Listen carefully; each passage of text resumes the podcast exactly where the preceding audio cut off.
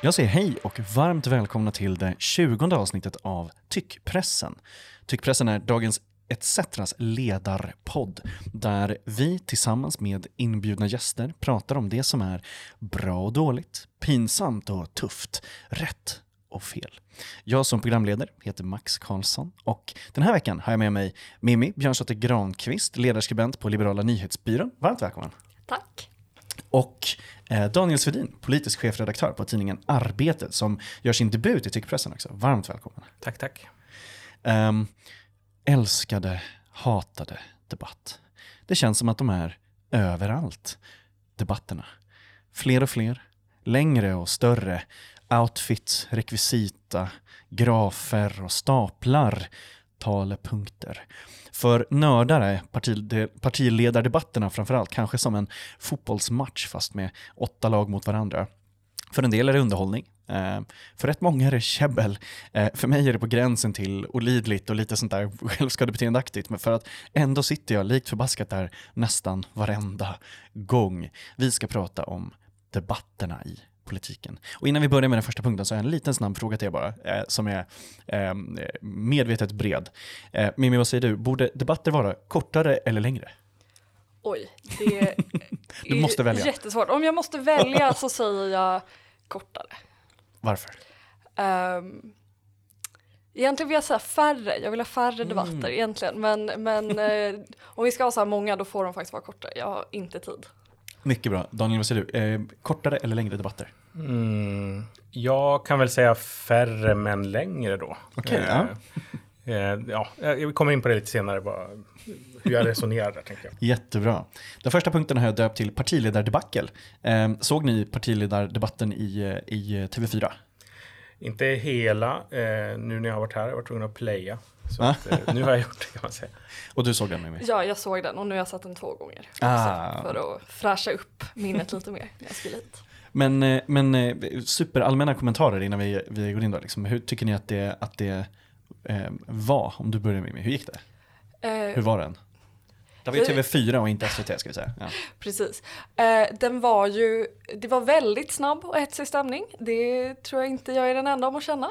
Eh, det blev inte så mycket sagt. Jag tyckte det var väldigt eh, formatmässigt udda att det kändes som de ville ha det här fördjupande med att det var liksom två stora ämnen i liksom en, en timme var lite kortare eftersom det är TV4 med reklampaus. Men att det, det blev lite så här, vill man fördjupa då kanske man ska ge lite tid till längre eh, resonemang än vad de gjorde. Så det kändes väldigt eh, som att det drog åt båda hållen. Ja men verkligen, och det, det var ju det här med att de, att de körde med det här 30 sekunders formatet. Eh, men, men Daniel först, vad, vad tyckte du allmänt? Nej, men jag delar den uppfattningen, alltså det är väldigt märkligt när man liksom, känslan är att man väldigt tydligt vill prata om klimat och miljö och liksom energifrågorna på något sätt häktas mm. på. Eh, samtidigt som man vill ha kriminalitet och så har man två stora ämnen och sen ändå har det här väldigt eh, korthuggna 30 sekunders formatet. Annars så tycker jag att det, alltså, jag tycker ju någonstans att det, politik i den där formen är ju underhållning eh, på något sätt. Och jag Ja, nej men jag tyckte att det var en rolig debatt för att den var så oerhört absurd och eh, ja, men snabb och liksom annorlunda mot det man brukar se. Samtidigt så, eh, ja, det är klart att man blev inte klokare på det, men jag är lite så här, blir man verkligen klokare på, på någonting när man ser det på agenda? Eh, här fick man ju se, liksom, ja men eh, hur, hur rappa och liksom duktiga är de på att säga jättemånga one-liners på kort tid istället för att liksom ha sina åtta one-liners i ett lite längre resonemang. Eh, så att jag, nej, men jag tyckte det var ganska kul de hade ju med, TV4 hade med sin eh, inhouse politiska kommentator, Sveriges utan tvekan största eh, politiska kommentator som profil eh, och, och så når en halv miljon på Facebook eh, eh, regelbundet och ofta väldigt många fler än så på grund av sina otroligt spridda inlägg. Marcus Oskarsson. Han eh, visade fina staplar, skulle presentera fakta och sånt där. Jag tycker att det blev alldeles, alldeles för snabbt och virrigt och, och så. Men jag, sen förstår jag att jag inte är målgruppen. Jag försöker bara tänka vad tittaren får med sig. Jag fastnade på en grej som han sa när eh, han presenterade det som en fullt rimlig politisk linje eh, att riva hus i förorten som man har gjort i Danmark inför diskussionen om, om kriminalitet. Och när det gäller Danmarks utsatta områden så har man fokuserat mycket på brottsbekämpning kombinerat med att göra de här bostadsområdena attraktivare, till exempel genom att helt enkelt riva en del utsatta områden. Jag bara ryckte till i det för att han sa att här, presenterade det som en åtgärd i mängden, som en helt normal grej. Och från mitt håll då, när jag tycker det så här, ja men Danmarks politik är väldigt extrem och liksom att riva hus som, som där det kommer bli liksom dyrare hus, där de som har bott där innan inte kommer ha råd att bo där igen. Det är ju liksom tvångsförflyttning. Men han är, ju, han är ju intressant på det sättet, tänker jag. Du har ju skrivit om honom, men jag tänker att en, hans stora styrka är väl att han är helt liksom, ofiltrerad i det där. Och det är väl det som gör att folk tyck, tycker om honom också. Mm. Eh, att han, eh, han är liksom inte dömande på något sätt. Allting som han tar in är bara så här, ah, här, här är ett utspel som jag bara kör vidare.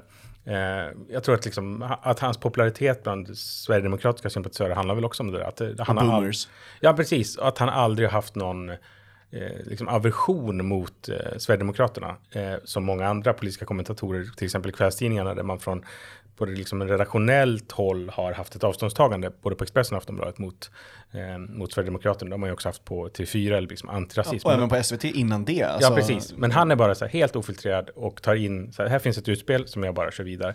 Eh, han är liksom inte dömande på gott och ont. Liksom. Mm. Eh, och det är väl hans stora styrka. Och jag tänker det här liksom, rivningsförslagen, det kommer väl ifrån att det finns socialdemokrater och moderater som driver det, till exempel Göteborg och Linköping. och Eskilstuna. Precis. Och så det har han tagit in och så att nu förmedlar jag vidare det. Gör vad ni vill med den informationen. Eh, finns det något lite sympatiskt i det, tänker jag. Att man är helt, ja, jag, jag, allt som jag tar in kör jag ut. Men du har ju förtjänstfullt också eh, skrivit om hans brister som politisk kommentator. Men jag, jag, tyckte att formatet var så intressant för att det var ju då de här 30 sekunders grejerna och jag ville gå tillbaka och se liksom, men hur, det var inte alls länge sedan som det var helt annorlunda. Eh, om vi går tillbaka all, jättelänge sedan först, typ Abraham Lincoln och Stephen Douglas, eh, 1858. Det var innan tv. Det var innan, innan tv, innan TV, eh, långt innan tv. Eh, nej, men Abraham Lincoln och Stephen Douglas, 1858 eh, så anordnade de sju offentliga debatter som ses som ett startskott för liksom, politisk eh, debatt som spektakel kanske.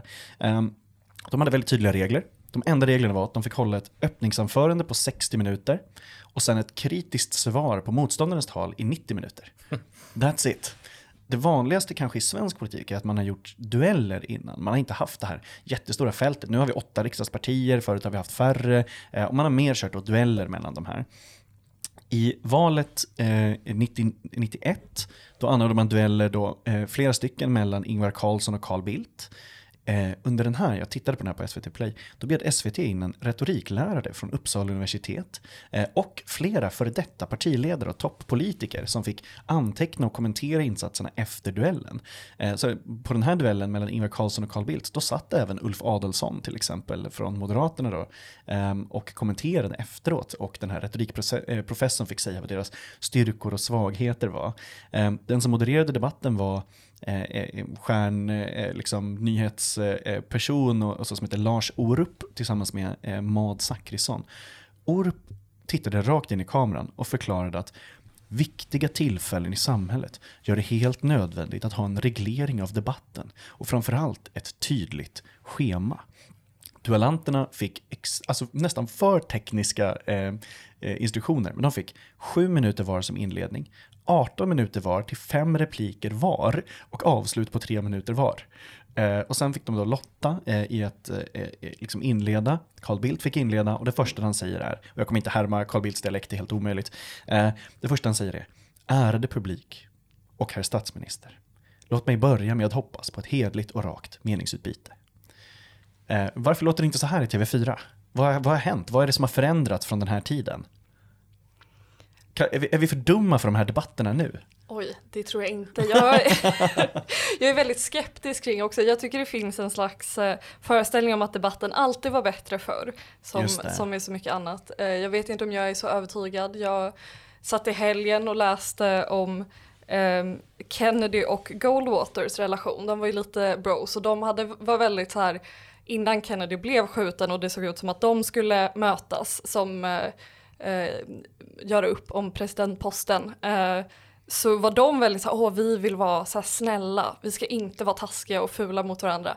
Eh, så, så, då fanns det ju redan då en liksom föreställning och det är ju ganska länge sedan om att eh, debatten blivit väldigt ful och liksom det, det finns ju till viss del i Sverige också. Sen är det en skillnad, jag tror det är så snabba liksom att vi har börjat söka väldigt mycket efter det, att det kanske inte alltid är bra. Jag tror man behöver båda delar. Jag tror det är bra med snabbreplikskiften men också ehm, jag tycker det konstiga främst är att man blandar liksom. Som nu när det kändes som man vill ha fördjupning i de här svåra ämnena. Men de ska också göra det på 30 sekunder. Medans också de inte mutar de Ah. som inte ska prata. Ska man ha 30 sekunder då måste man nästan göra det för annars så blir det liksom jätte, jättemärkligt. Vill du spara och samtidigt göra världen lite renare? Då har ETC tagit fram en lösning för dig. Vi har startat ETC Bygg för att få igång byggande av hyreshus utan vinstjakt, utan miljöförstöring och med lägre hyror. Spara direkt i husen till 2% ränta. Läs mer på etcbygg.se. Det, alla skrek ju i munnen på varandra, eller inte hela tiden, men ofta. Eh, nej, men det du beskriver nu med de här gamla 90-talsdebatterna ännu tidigare, det påminner ju lite grann som partiledardebatterna är i riksdagen. Där är det ju väldigt mer ord- Verkligen, och där är stor skillnad. Visst, och den är ju mer ordnad, liksom att man har sitt anförande och sen så får man replikera på det.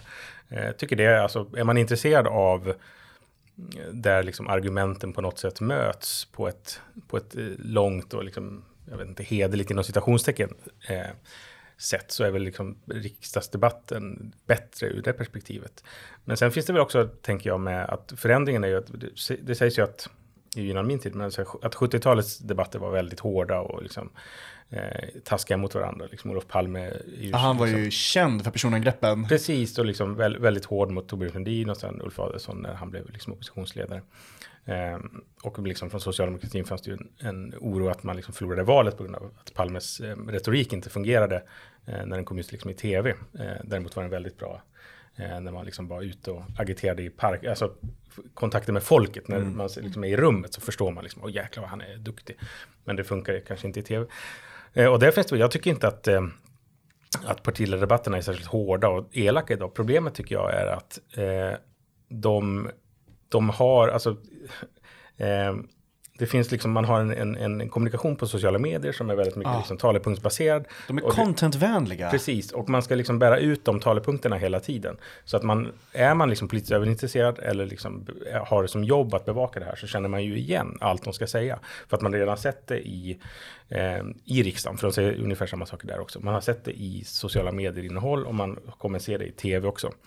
Eh, Det gör ju att eh, det blir ju ganska odynamiskt och det man liksom bevakar. Så man, man är väldigt tydlig med vilket budskap man ska bära ut och man gör det hela tiden. Eh, Det gör ju att det blir liksom odynamiskt, man lyssnar inte på varandra, det blir ingen debatt egentligen. Utan man, och då spelar det liksom ingen roll om man har de här 30 sekunderna på sig eller om man har liksom fem minuter på sig. För att det är ungefär de här liksom talepunkterna man matar ut hela tiden. Sen har vi liksom en annan aspekt tänker jag på det där, är ju att att man är, nu kanske inte det är lika mycket det här valet, men valet 2018 så var ju liksom faktagranskningen var ju liksom det överordnade. Ja, Eh. och ne, verkligen. Och blev nästan en liksom, fetisch från, från medialt håll. Liksom. Precis, eh, och det gör väl också att man, och vi gör liksom, Twitter pågår hela tiden samtidigt och Facebook och sådär och liksom folk sitter och tittar. Eh, och en liksom faktagranskning från mediernas sida. Det gör ju också att den politiska debatten blir mindre dynamisk. Att man, man tar inte i, man tar inte ut svängarna, man gör ingenting på uppstuds för att man vet att eh, det jag, om jag säger någonting fel, liksom överdriver, så kommer det vara den stora grejen. Och det är väl egentligen det man sitter och väntar på, på i de, de, alla debatter nu. Alltså, vem ska säga fel? Vem ska liksom göra bort sig? Eh, och så kanske det alltid har varit. Alltså, det är underhållnings, politiskt underhållningsvåld på något sätt. Men det har blivit, det har blivit tydligare på det sättet. Och att det är också oerhört regisserat. Ja, och där tycker jag, för en sån grej som försvinner, alltså det som de säger att de vill ha från TV4 och från SVTs håll, brukar, det brukar vara spänstig och informativ debatt där de politiska skiljelinjerna, blir- skiljelinjerna blir tydliga. Men eh, det, det som jag tycker försvinner, det är berättande delen av det här. Eh, för två val sedan, eh, för två val sedan då, så tycker jag att alla partiledare hade en person de hade träffat någonstans i landet. Kommer ni ihåg det här? Jag träffade Anna, 56. Jag träffade Uffe, 79. Eh, eh, och, och Henrik Dorsin gör en väldigt rolig grej av det när de hade tredje statsmakten och eh, spelade in, nej inte tredje statsmakten, det här programmet som han hade med Aron Flam i SVT när de härmade partiledare, toppenkul. Men eh, där, eh, och där så säger de liksom hela tiden att det är ju helt borta. Jag tror inte en enda partiledare sa så. så här. Jag träffade den här eh, Nils som har en alldeles för dyr elbil eller liksom så. Eh, det är bara eh, borta. Jag undrar varför? Är det så att de är rädda att medierna ska fråga finns den här Nils på riktigt? Eller eh, liksom är det för att de vill köra mer så här gotcha moment som så här, nej det stämmer inte att det är eh, 450 000 kilowattimmar i sekunden. utan det, det där är fel, du ljuger. Liksom. Det, det känns jätte, jag vet inte varför det försvann bara. Har ni någon tanke? Kanske för att det blev så vanligt. Eller det kändes som att det blev ju lite klyscha också, Ja. liksom att alla, eh, det kommer de här liksom och då, De hade träffat de som just höll med dem. Det var väl också... precis det är alltid så här, jag råkade träffa den här personen som tycker precis som jag. Jag råkade träffa S-kommunalrådet i... Det är också en, en, en, en effekt av det här tror jag att det blir ju väldigt tydligt då att det finns, liksom den politiska journalistiken är mycket, många fler som jobbar eh, med politisk journalistik idag. Det är liksom kommersiellt gångbart. Eh, och liksom, jag tänker Almedalen har varit en så tydligt exempel för mig när liksom hela den chattrande klassen står och liksom twittrar hånande om allas tal. Att även liksom de som ska vara oberoende tillsammans med oss som liksom är ledarskribenter står så här och liksom slår ner på alla så här eh, språkliga tics, eh, eh, alla de här liksom greppen som man använder hela tiden. Och det gör väl också att i de politiska staberna tänker jag att man blir jävligt nervös om Viktor Bart Kron liksom, och eh, jag vet inte, eh, Lena Melin twittrar inte, men liksom den typen av personer står he, liksom tal efter tal efter tal och bara slår sönder. Eh, här, vi, vi ser vad ni gör för någonting. Och att man lever i liksom symbios med, med varandra också. Vi kan inte använda oss av eh, liksom att du har träffat någon, för det blev vi så hånade för i Almedalen. Just det. Medan då kanske den riktiga publiken är de man hoppas att vända sig till. Äh, Släpp loser-mentaliteten alltså. Jag tycker, att de ska, jag tycker att de ska köra det. Alltså, det är ju Hägglunds sista Almedalstal, Göran Hägglund, eh, förra KD-ledarens eh, sista Almedalstal. Där spenderar han hela första halvan av talet att eh, prata om politiken i Sverige som ett trädgårdsland och liknar alla partier vid olika djur i trädgårdslandet, alla reformer vid olika grönsaker. Han säger nu, eh, nu har vi eh, låtit den här moroten växa som är det här systemet och nu är det dags att skörda den. Och så. här. Det var jättekul! Det var liksom, ja men fine om du blir hånad efteråt liksom, men, men vad fan, kör, släpp sargen. Verkligen. Eh, och, och alltså, när jag skulle försöka hitta så gamla grejer för varför man ska ha debatter så var det också så här att eh, eh, liksom, eh, det, det kan ge då, ja, men lite liv eller vad man ska säga. Så här. Det, det finns faktiskt, eh, jag vet inte om ni, om ni kommer känna igen den här texten, men så här, The letter killeth, but the spirit giveth life. Det är från Bibeln. eh, eh, om eh, liksom att, att bara läsa kan vara själa dödande om det är så att man vill ta emot något av det här. Men vad får man med sig av en sån här debatt då? Säg då att eh, liksom man har tittat på det här, vad, vad, vad får man av partiledarna efter att ha tittat på partiledardebatten i TV4? Nej, men på något sätt så har väl det, så kanske det alltid har varit, men att det är, för det är inte, man ska, alltså, det är inte så många som tittar på partiledardebatter om det inte är valår. Och det är liksom slutdebatten som folk tittar på, då brukar det ligga runt en och en halv miljon som, som tittar på det. Eh, annars så är det ju... Liksom, En miljon under På spåret typ. Ja, exakt. Och liksom tre miljoner under Kalanka. Men eh, eh, så att de, de här innan det blir liksom skarpt läge så är väl en partiledardebatt väldigt mycket riktad mot, eh, alltså att det är en mobiliserande effekt. Mot de egna liksom. Titta, sett liksom alla, eller många är ju väldigt glada, liksom, tyckte att Nyamko Sabuni gjorde en bra insats. Eh, att hon liksom var rapp och redig och sådär och, och satte åt eh, Magdalena Andersson. Att det är viktigt liksom för det politiska, alltså interna livet. Eh, ungefär som ett tal är. Just det. Eh, så det väl en mobiliserande effekt på det sättet. Men sen så tror jag att på gott och ont att väldigt mycket av liksom det, det som görs när det gäller politisk journalistik är riktat mot folk som håller på med politisk journalistik. Och, alltså att det är liksom en subvärld som, som Self-serving. Ja, men lite grann som liksom kulturvärlden kan vara också. Liksom, det. att det är så här, Mm. man, man, ehm, ja, men man skriver för varandra och liksom eh, målgruppen, vem ska läsa mig och vem ska, vem ska lyssna på det här talet och hur ska det liksom, att eh, ja, men det blir lite så här eh, sym- symbiotisk relation eh, mellan liksom granskare, granskad. Vad tror du att folk får med sig av partiledardebatten?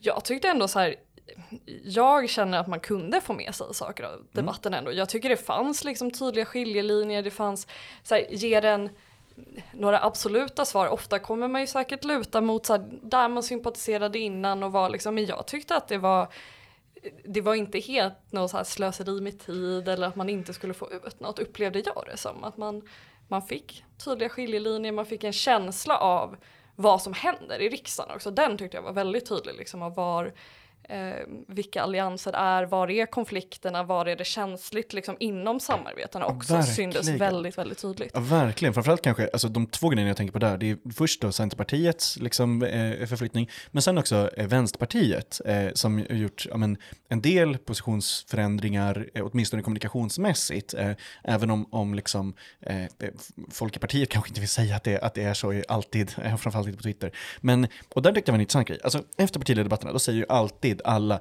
wow, min partiledare gjorde det här så himla bra. Mm. Eh, liksom, eh, som en klocka eh, så, så kommer det.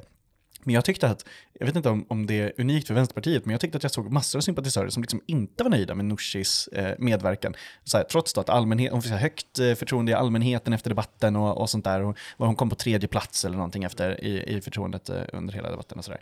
Eh, men jag vet inte om, om, liksom, om det var, märkte ni också av det? Att det, var liksom, det fanns också kritiska Vänsterpartiet-röster som tyckte att hon var liksom för mesig, för sossig. Ha Haschröka-vänstern verkar väl lite skeptiska till, till, Just det, till det där, eh, ja men prata mer, om... Mer tulltjänstemän. Ja men precis, så knarket vi för, som grund för gängkriminaliteten. Liksom. Ja, nej men det finns ju någonting, alltså det, och det kan man ju också känna när man tittar på den här debatten och liksom hur de tolkas efteråt.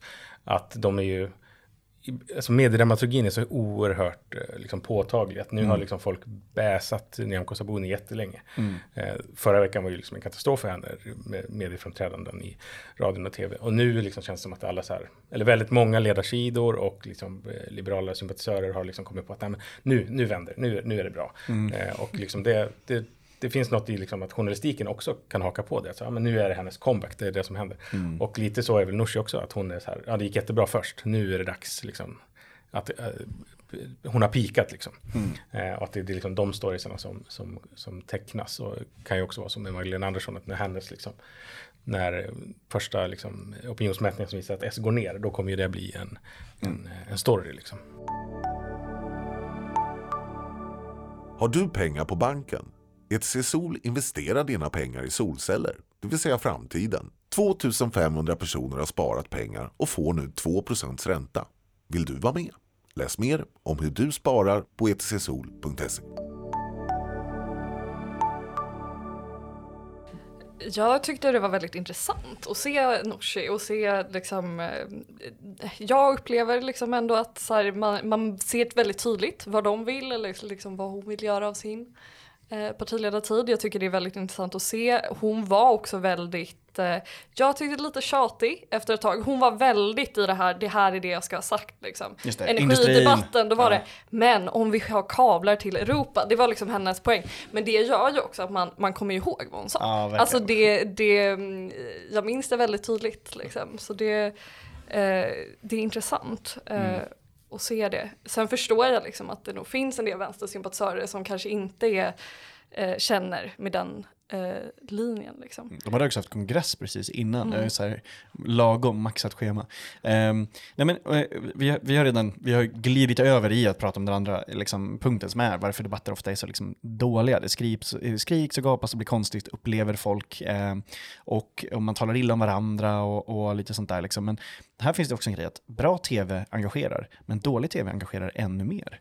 Eh, och eh, det här finns det ju också någonting inbakat i formatet av att det är, när man kan vara upprörd, då får man väldigt mycket reaktioner, klick, kommentarer, spinn, det kan leda vidare efteråt, det kan ge uppmärksamhet. Eh, men, men jag upplever ändå att partiledarna de förbereder ju inte så mycket dissar mot varandra, alltså så one-liners och sånt där som man kanske gjorde ännu mer förut. Um, det finns ju liksom flera kända eh, eh, one-liners och sånt där också. Jag menar, en är väl eh, klassiska med, med Åkesson och flaskskeppet från Jonas Sjöstedt som fortfarande lever kvar. Liksom. Alltså när jag hör Jimmie Åkesson här prata om klimatfrågan, då kommer jag tänka på ett sånt här flaskskepp, ni vet. Hur kom du in hit egentligen?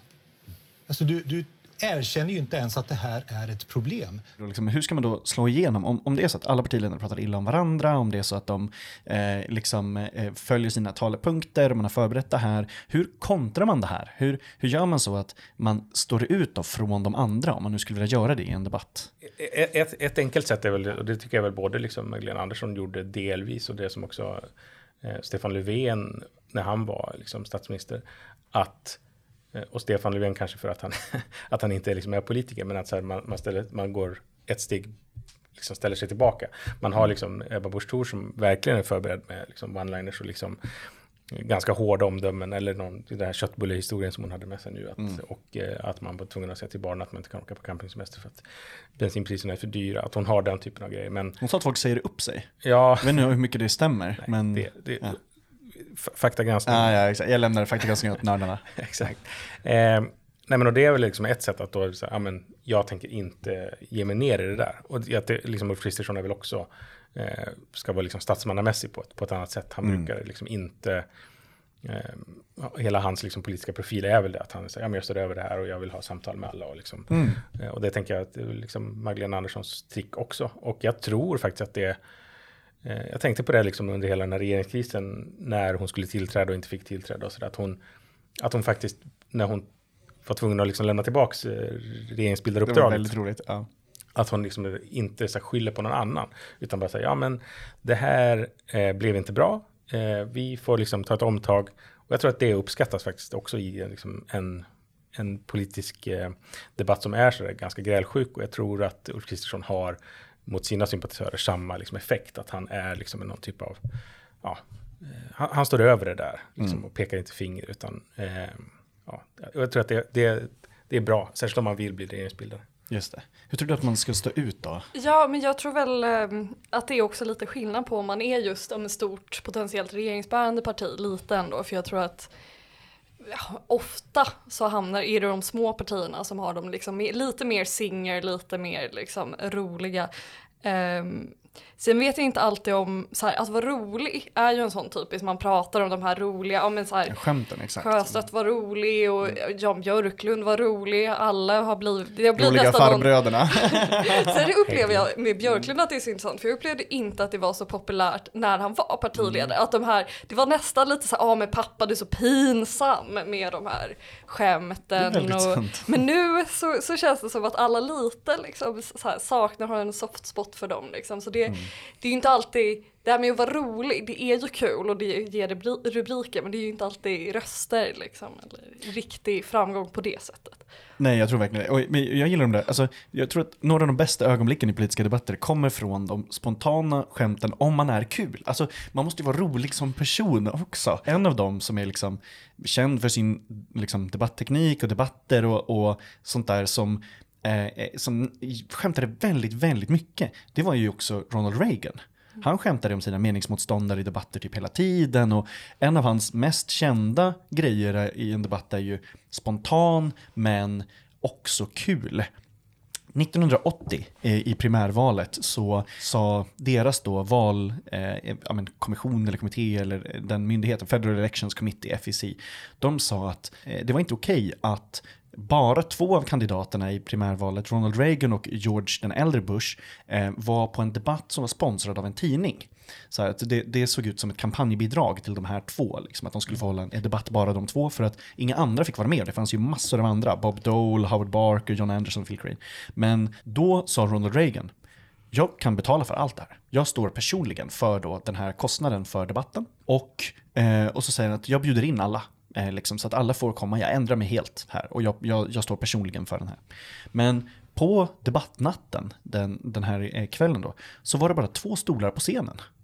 Och den här moderatorn som kom från tidningen som först skulle ha betalat, eh, han säger att, eh, och det var från Nashua Telegraph, eh, Eh, han säger att eh, ja, men eh, det ska bara vara Bush och eh, Ronald Reagan som ska debattera ändå. Han hade liksom inte fått höra de här förändringarna. Han så här, men eh, bara fortsätt med det. Men då går Ronald Reagan bara, ta med sig de andra upp på scenen bara. Eh, lite så här, det ser lite kul ut för att det ser ut som ett lämmeltåg. De ska kandidera mot varandra, men det är Ronald Reagan som säger, nu går vi upp på scenen allihopa liksom.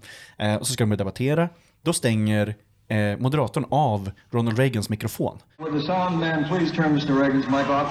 Och då lutar sig eh, Ronald Reagan fram till mikrofonen. Han plockar upp den i luften från bordet. Först säger han “Is this on?” Is this on? och sen säger han extremt hårt, nästan skriker I am paying for this microphone. I am paying for this microphone. Det, det låter som åska i publiken efteråt liksom. Eh, och den grejen eh, var ju liksom, gjorde honom ännu mer populär. Alltså de andra hade inte en chans i det här primärvalet. Eh, och det var ju liksom en touchdown som var spontan, den var eldig och väldigt, väldigt personlig. Vi får ju absolut inget sånt här. Vi får ju ingenting personligt från dem i partiledardebatterna för jag tänker att det är så svårt, att det är så svårt att få igenom. Ja, precis. Jag nämner och det, ofta när, när de försöker så blir de väl också liksom avhånade för att det på något sätt är eh, ja, men känns liksom skådespelat. Ja. Och, eh, även om de inte nämner sig själv, men även där vi pratade om tidigare, att man nämner andra exempel. Att det blir liksom så inrepeterat och att det känns liksom ehm, ja, inte, inte riktigt eh, autentiskt. Och det finns väl någonting i det också med, liksom, jag vet inte, medie, medieskolning och att man är liksom Många vill ju vara, alltså spela politiker uppfattar jag med svenska politiker. Att man har en bild av hur en politiker ska vara. Och så, och så spelar man den politikern väldigt tydligt.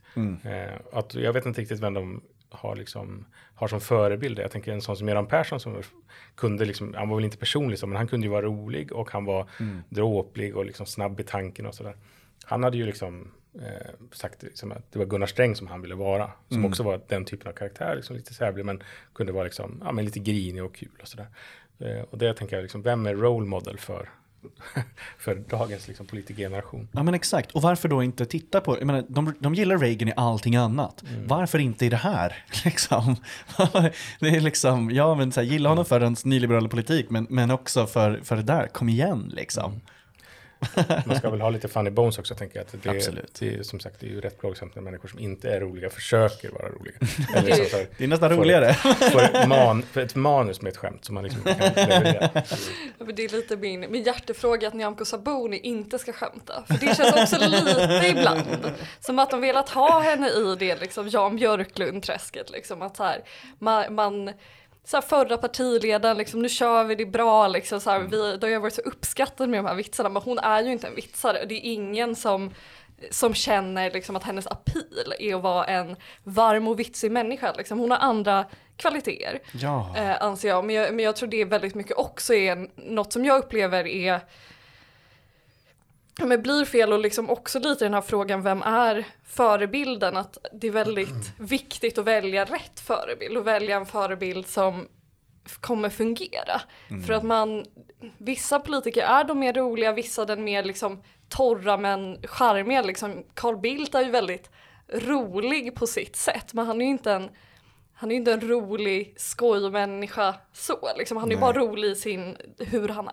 Liksom. Jag håller helt med. Alltså, det är bara en karaktär. Ja, nej, jag håller helt med. Och jag menar, där, eh, det, det eh, vi har jag pratat lite om förut, men jag menar, alltså, Carl Bildt invigde ju som sagt svenska ambassaden i Second Life, eh, eh, liksom, vilket är extremt roligt, 2007. Det finns på YouTube, alla måste se det. Eh, eh, och när han gör det, då kan han inte styra sin karaktär, för han hade varit inne i Second Life förut. Så att eh, han flyger genom golvet och fastnar i ett träd i Second Life. Liksom. Liksom, det ser så extremt roligt ut. Eh, och eh, eh, när han ska klippa bandet i Second Life, eh, då har de gjort liksom ett så här silkesband som hans karaktär ska då plocka upp en sax och klippa. Second Life ser ut som ett en extremt dålig animation, liksom, och Olle Westberg är bredvid, så här, eh, folkpartistisk legend. Liksom. Eh, men då är det också, precis när han ska klippa det, då är det en annan, helt random användare som med sin karaktär flyger genom silkesbandet och alltså klipper det åt honom, som att han liksom stjäl det. Och då säger Carl Bildt, ja, nu var det gjort. det, är, det, är, det är kul att någon som tjänade miljoner på Irakkriget kan vara så rolig. Liksom. Det är väldigt... Eh, den sista punkten eh, som jag vill prata mer om, den har jag döpt till Vita huset förstörde allt.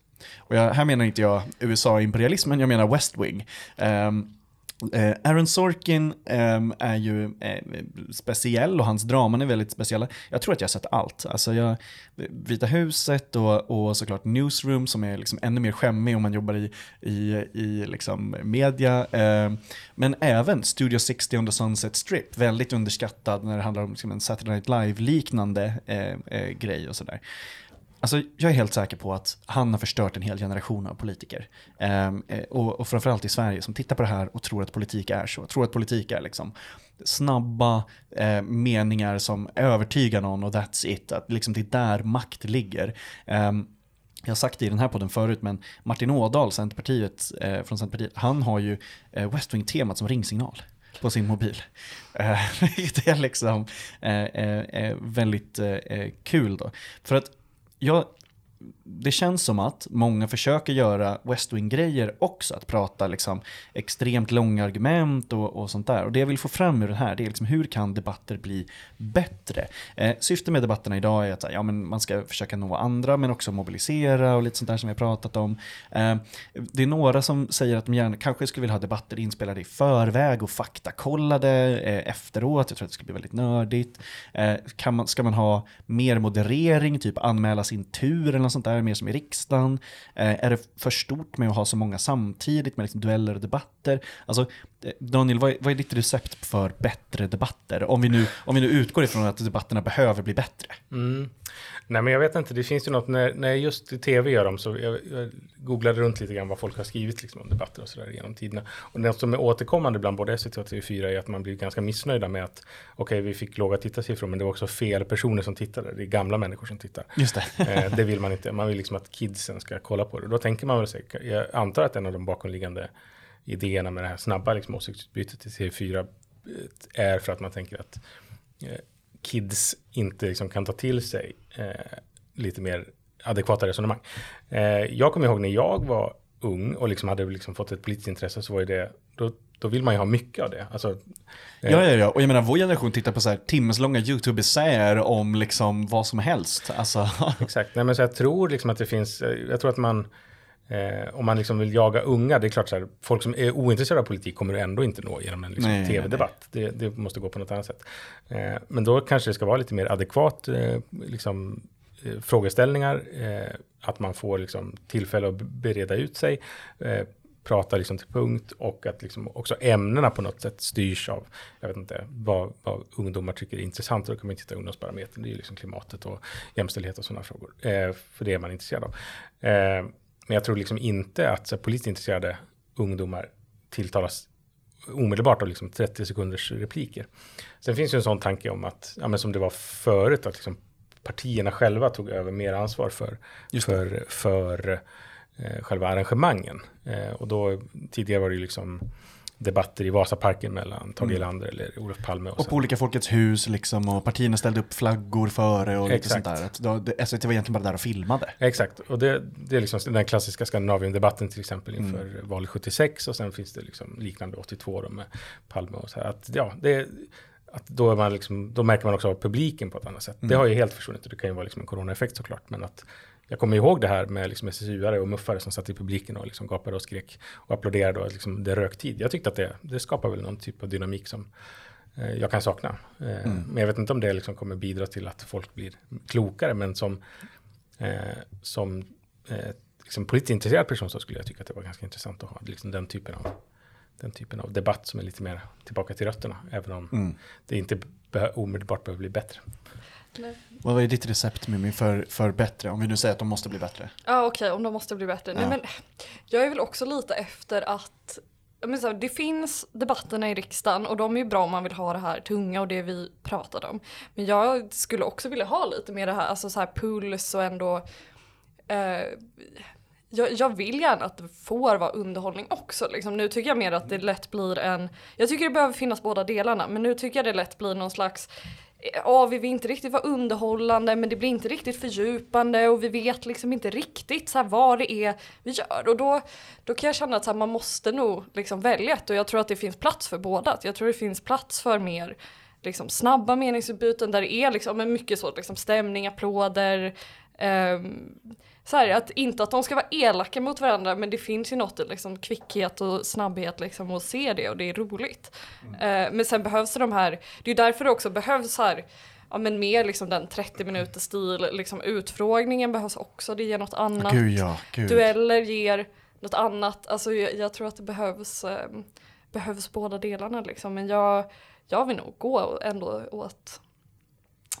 färre mm. debatter. De får gärna vara långa, jag gillar liksom den här känslan av att man man, två timmar liksom, där alla ska kämpa sig igenom. Och det känns verkligen som att man, man kommer verkligen ut på andra sidan. Liksom. Ja. man är verkligen på andra... Lite uppesittarkväll också. Så ja, men verkligen. Det bara pågår och pågår. Men jag har några grejer där som är liksom är så här, ja, men skulle kunna eh, liksom finnas med eller sånt där. Var, jag tittade på eh, ett år efter valet så gjorde Agenda en eh, ett duell då mellan Mona Sahlin och Fredrik Reinfeldt, 2007 är det här, alltså efter valet 2006. Där gjorde de en, en intressant grej. Inför det och inför alla debatterna de åren som jag kunde se, då hade man gjort så att man lät väljarna bestämma budskapen genom att man lät eh, SIFO göra en undersökning om de viktigaste frågorna precis inför det. Och sen så tog man dem. Och eh, till exempel var så här, invandring var inte ens på topp 10. Sen, jag gillar det här med öppningsanföranden, alltså, att man ger tydliga regler, att de faktiskt får säga någonting själva eh, liksom först. Eh, och, och så, det gillar jag. Ehm, och en grej som jag tycker, alltså typ det enda bra friska från USAs politiska klimat, det är town hall-formaten där väljarna är de som ställer frågorna direkt i studion. De klippen tycker jag är fett bra eh, och de blir liksom, de blir väldigt bra när ehm, eh, det, det finns också liksom eh, en jättehård grillning av en student av, eh, som eh, grillade Bill Clinton inför valet när han vann presidentvalet som frågar honom så här, hur har eh, eh, svåra ekonomiska tider påverkat dig personligen? Och det är för att liksom försöka sätta dit honom och säga du är en, du är en överklassdropp liksom. Eh, eh, och liksom, eller försöka så att han skulle säga, säga det. Och han försöker hela tiden gå på andra grejer. Så här. Men då säger de, men hur har det påverkat dig personligen? Eh, och, och liksom att den väljaren får göra det, det, det gillar jag. Eh, vi kommer väl se någon town hall närmare, liksom, och vi kommer väl se lite publiker och, och eh, och så. Men jag gillar verkligen formatet att väljarna får ta större plats. Visst. Nej, men ett sånt grepp har, och det är väl ofta i valrörelsen som de kommer, Mm. att man har eh, inslag inspelade med liksom så här, här är en person som påverkas av politiken. Mm. Eh, det hade man väl inför förra valet, att man, så här, ja, men, man, man träffade någon liksom, nyanländ så här, som Just det. eh, bidragsnivåerna, vad spelar det för roll och liksom SFI, vad, Mm. vad är det som inte fungerar och, liksom, och där man liksom tvingade partiledarna, det blev lite ostigt ibland kanske, men att man tvingade dem att så här, hur ska Mustafa liksom, Mm. få ett drägligare liv eh, eh, med din politik och liksom, ja, det, det blir en ganska intressant också att man, det blir liksom inte så teoretiskt utan det blir väldigt, ja, rakt på. Att det, politik påverkar ju människors liv, att det, blir, Exakt. det tydliggörs. Liksom. Jag brukar fråga när vi närmar oss slutet av avsnitten om det är så att det finns någonting som man vill skicka med till tyckpressets lyssnare. Det kan vara precis vad som helst. Det kan vara ett tips på någonting man ska titta på eller läsa eller något sånt där. Eller någonting som händer om man ska hålla utkik för. Mimmi, har du någonting du vill hälsa till lyssnarna? Ja, jag tycker alla borde gå in på Öppet arkiv och titta på slutdebatten från valet 06. Det är en av Mm. mina, mina gamla favoriter. Varför? Jag tycker man ser väldigt tydligt varför Alliansen tog hem det. Eh, jag tycker De också... gillar ju typ inte ens varandra på den andra Nej, alltså på, men, nej, men precis, alltså man ser att det är, de så här, vill det är tre personer som sitter och är så här, ja okej, här, ja, men tre syskon som mamma har klätt upp och är så här, nu ska vi ta en fin familjebild, ser lite sams ut. Och man Gud. tror inte på det för fem öre och på andra sidan så är det, det är inte en helt enad front, men man känner ändå så här, ja, här är ändå uppskattning Mm. för varandra, någon slags gemensam vision och jag tycker att Reinfeldt lyckas väldigt bra när han är liksom inne på att här, man har eh, väldigt höga sjukskrivningstal men väldigt bra liksom, hälsosiffror i Sverige. Och han hamnar in den poängen bara, det, ja, det är verkligen hur man ska göra det och sen kanske hur man inte ska göra det också. Liksom. Man ser båda. Daniel, har du någonting som du skulle hälsa till tyckpressets lyssnare? Nej, men om jag ska tipsa någonting så skulle jag, eh, en bok som heter Palme och medierna tror jag, av Gunilla Björk, som handlar om liksom från att Palme tillträder som S-ledare eh, till att han eh, ja, skjuts. Liksom hur hans förhållande till journalist, journali- journalister var eh, och liksom hur det förändrades, liksom hur man på Sveavägen 68 började liksom sätta upp ett mediekansli och liksom, den, den förändringen är väldigt intressant. Det är en intressant period i svensk historia där man liksom går från att det bara finns radio egentligen, eh, ja, tv har startat tio år tidigare, men att det liksom, och mot att man närmar sig det liksom, re- reklam-tv nästan, och eh, relationen till ledarskribenter och sådär. Väldigt intressant eh, mediehistorisk eh, bok. Gud vad intressant. Sa- vad hette den sa du? Palme och medierna tror jag att den heter, men Gunilla Björk heter eh, författaren. Gud vad intressant. Jag lyssnade på den nya P3-dokumentären Palmeutredningen inifrån. En journalist på, på DN har för första gången då visat att eh, men hon fick eh, eh varje dag under i princip hela eh, utredningen under två års tid i början eh, fick dagliga intervjuer med Hans Holmér. Eh, helt otroligt. Jag skickar med det som, som eh, tips. Det var väldigt härligt. Bra, jag säger stort tack för att eh, ni var med och eh, tack för att ni lyssnade. Ha en fortsatt trevlig vecka. Hej!